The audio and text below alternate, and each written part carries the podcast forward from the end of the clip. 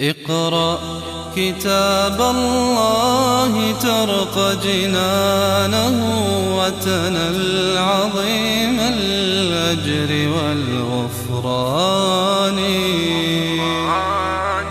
رتله روي القلب من نفحات. قد فرض الله لكم تحلة أيمانكم. هنا الانتقال من النبي صلى الله عليه وسلم إلى الأمة. لم يقل قد فرض الله لك لأن الخطاب أصلا كان للنبي عليه الصلاة والسلام ولمن وراءه. ومن هنا جاءت الآية الأخرى لتخاطب الناس جميعا قد فرض الله لكم. ومعنى فرض يعني بين ووضح وأنزل وحكم بتحلة الأيمان. والأيمان جمع يمين وتحلتها في أي سورة من القرآن الكريم؟ في سورة المائدة. في قول الله عز وجل لا يؤاخذكم الله باللغو في أيمانكم ولكن يؤاخذكم بما عقدتم الأيمان فكفارته إطعام عشرة مساكين من أوسط ما تطعمون أهليكم أو كسوتهم أو تحرير رقبة. فمن لم يجد فصيام ثلاثة أيام. فهذه هي تحلة الأيمان يعني تحلة تحليل الأيمان. فإذا حلف الإنسان أن لا يفعل شيئا وأراد أن يفعله كفر. وحتى النبي صلى الله عليه وسلم نفسه كان يقول كما في قصة عبد القيس في الصحيح قال إني والله لا أقسم على يمين فأرى غيرها خيرا منها إلا كفرت عن يميني وأتيت الذي هو خير. فهنا الله سبحانه وتعالى لم يفصل في كفارة اليمين ما هي لأنها سابقة وهذا يدل على أن سورة التحريم نزلت بعد سورة النساء. فأشار وأحال إلى ما في تلك السورة من تحلة الأيمان. قد فرض الله لكم تحلة أيمانكم. يعني إذا حلف الإنسان وهذا لا يدخل فيه ما يسمى باليمون باليمين الغموس التي يستحل فيها الإنسان مال امرئ مسلم. فإن هذه اليمين لا تكفر لعظمتها وعظم شأنها كما في الحديث من حلف على يمين صبر يقتطع بها مال امرئ مسلم لقي الله تعالى يوم القيامة وهو عليه غضبان. وإنما هذه اليمين في اليمين التي يحلف الإنسان فيها ألا يفعل شيئا وخاصة إذا كان يتألى ألا يفعل خيرا. كما قال لا أقسم على يمين فأرى غيرها خيرا منها. بعض الناس يحلف على زوجته يمين ألا تذهب إلى أهلها أو لا تزور جيرانها أو ما أشبه ذلك أو لا تلبس هذا الثوب. فهنا الله سبحانه وتعالى يقول قد فرض الله لكم تحلة أيمانكم. بدلا من أن يلج الإنسان في يمينه فإنه يكفر عنه. والله مولاكم. ففي ذلك إشارة أيضا إلى رفقه بالنبي صلى الله عليه وآله وسلم وقربه منه فهو مولاه. والمولى يحمل معنى الولي ومعنى القريب ومعنى الرحيم. فكل هذه المعاني داخلة في معنى المولى وهو العليم الحكيم فيما شرع لكم فهو يعلم بأحوالكم وما تحتاجونه وهو حكيم في تشريعه المبني على هذا العلم. ولهذا أيضا جمع هنا بين اسمين من أسمائه الحسنى وهو العليم الحكيم.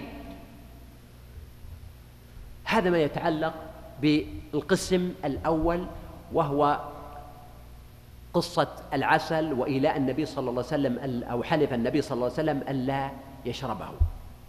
بعد ذلك هناك قصة أخرى على القول الصحيح عند أكثر أهل التفسير أن ثمة قصة أخرى في الباب أيضا ليست ببعيدة من الموضوع ولا يبعد أن يكون توقيت حصول القصتين كان متقاربا. فأحيانا بعض المشاكل وبعض الأزمات تأتي متتابعة وكما يقولون في المثل يقولون الأزمات لا تأتي فرادى كما يأتي الجواسيس وإنما تأتي الأزمات أحيانا مجتمعة كأسراب الطيور أو ككتائب البشر. قال وإذ أسر النبي إلى بعض أزواجه حديثا. هذا يحتمل أن يكون امتدادا للقصة السابقة قصة العسل وأمهات المؤمنين. ويحتمل أن يكون قصة جديدة وهو ما سوف نختاره أن هناك قصة أخرى تتعلق بهذا السياق. وإذ أسر النبي إلى بعض أزواجه حديثا. ما هذا الحديث؟ هذا الحديث هو أن النبي صلى الله عليه وسلم عنده جارية هي ماريا القبطية أهداها له المقوقس ملك القبط وهي أم ولده إبراهيم عليه السلام.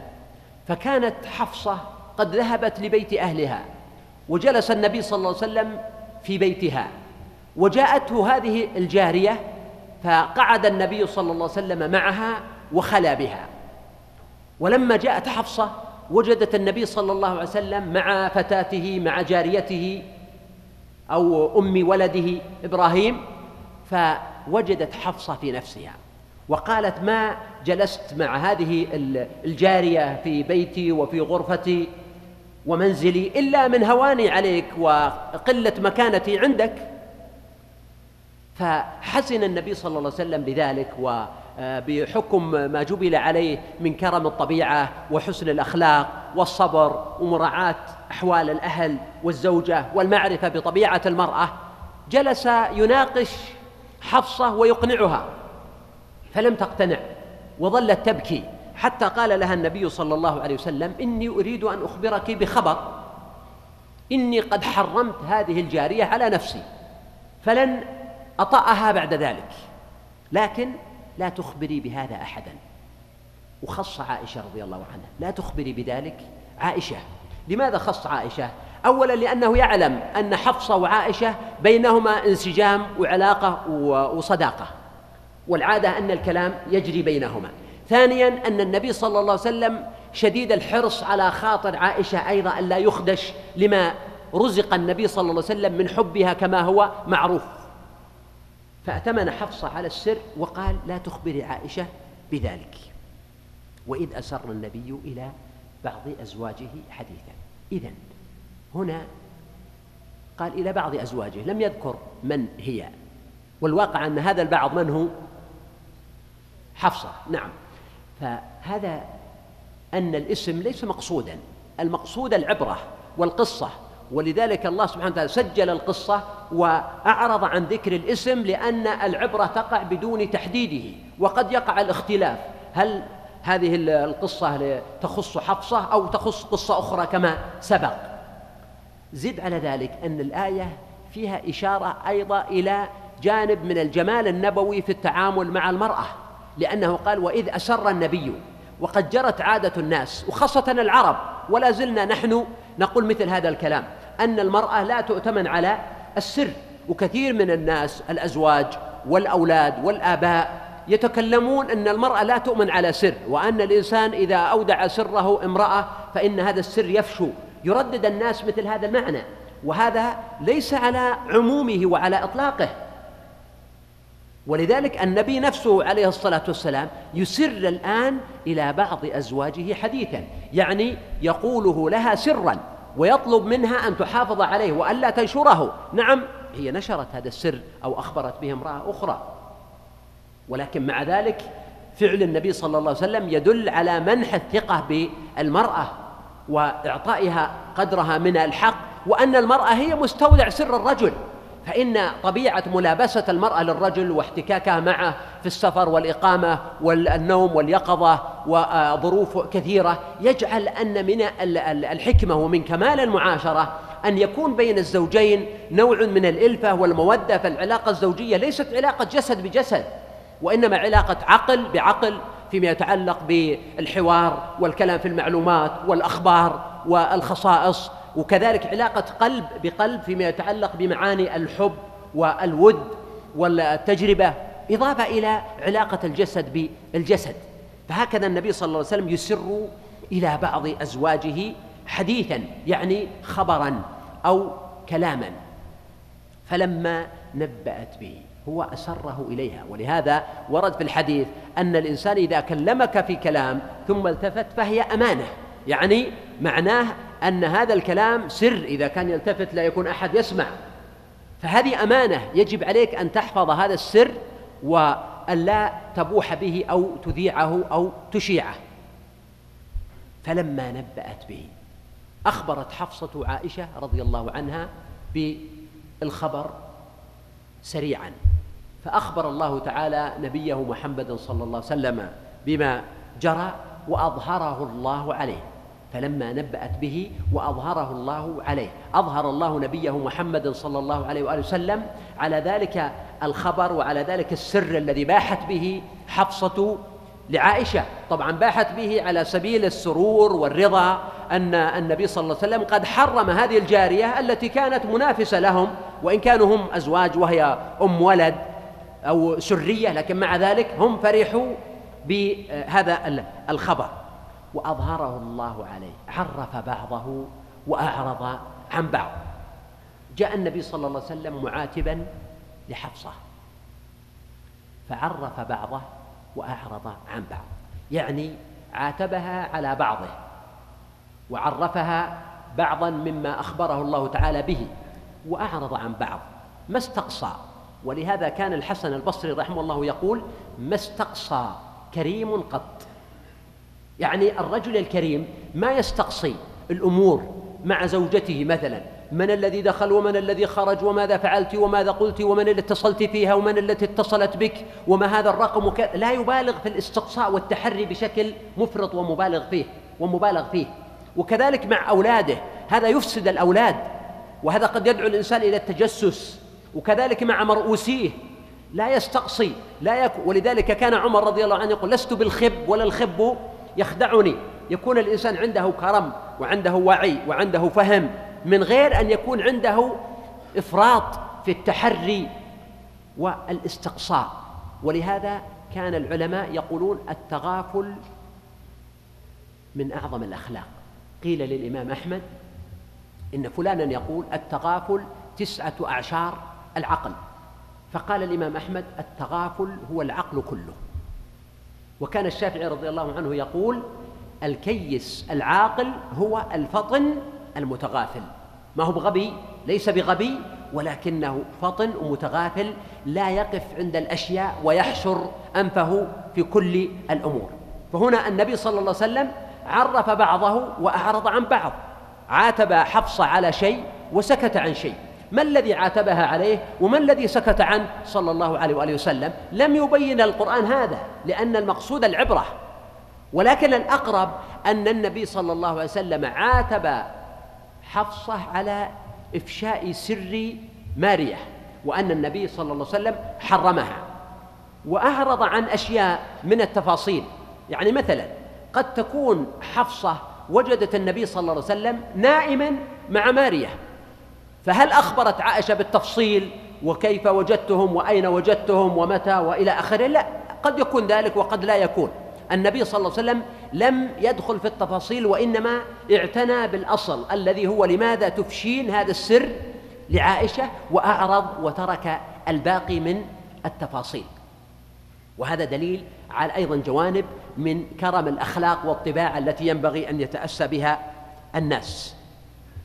فلما نبأها به وأخبرها وعاتبها وعرفها بذلك حفصة تعجبت وقالت من أنبأك هذا؟ طبعا يحتمل أن تكون الذي أنبأته من؟ عائشة لأنها هي الطرف الثالث في القصة. ولكن حفصة تعرف أن عائشة لم تكن لتخبر بمثل هذا. وبينهم نوع من الاتفاقية على عدم إفشاء الأسرار. وأيضا هي سوف تحتاجها. ولهذا استغربت حفصة كيف حصل الخبر للنبي صلى الله عليه وسلم؟ وقالت من أنبأك هذا؟ هنا أيضا من حقنا أن نقف ونتخيل حفصة زوج النبي صلى الله عليه وسلم وهي في موقف ضعف نوعا ما لأنها قد أفشت سرا. ولما أخبرها النبي صلى الله عليه وسلم تقف أمامه أو تقعد أمامه وتسأله من أنبأك هذا؟ كثير منا حتى لو كان في حالة رضا وجاءت زوجته تقول من أخبرك بهذا؟ أو من قال لك هذا؟ أو ربما غضب منها وأرغى وأزبد واعتبر أن هذا إجحاف بكبرياء الرجولة. بينما القرآن يسجل لنا أن حفصة وهي في هذا الموقف الذي أفشت فيه سر النبي صلى الله عليه وآله وسلم ومع ذلك لما عاتبها النبي صلى الله عليه وسلم وعرف ببعض ما أخبرت وأنبأها بما أنزل الله تعالى من ذلك قالت له من؟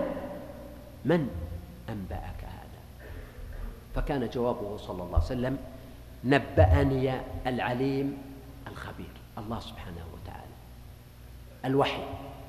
وهنا لم يقل الله وإنما قال العليم الخبير. والمقصود أن الاسم الأعظم هنا هو الذي ترد إليه بقية الأسماء. لكن المقصود هنا الإشارة إلى الاسم المتصل بالقصة. العليم الذي يعلم كل شيء فهو سبحانه لا يعزب عن علمه شيء. ولا يخفى عليه شيء. وما يكون من نجوى ثلاثة إلا هو رابعهم ولا خمسة إلا هو سادسهم. فهذا العلم. أما الخبير الخبرة أخص من العلم. الخبير هو الذي يكون عنده معرفة بالتفاصيل والدقائق والأسرار. ولهذا نحن الآن لما نتكلم نقول مثلا فلان خبير بالقضية الفلانية أو هذا آه، مجلس الخبراء أو هذه مجموعة الخبراء. أو هذه الشركة فيها خبراء. يعني ليسوا فقط علماء وإنما هم مختصون بأمر معين أو شيء معين يعرفون أدق التفاصيل عنه.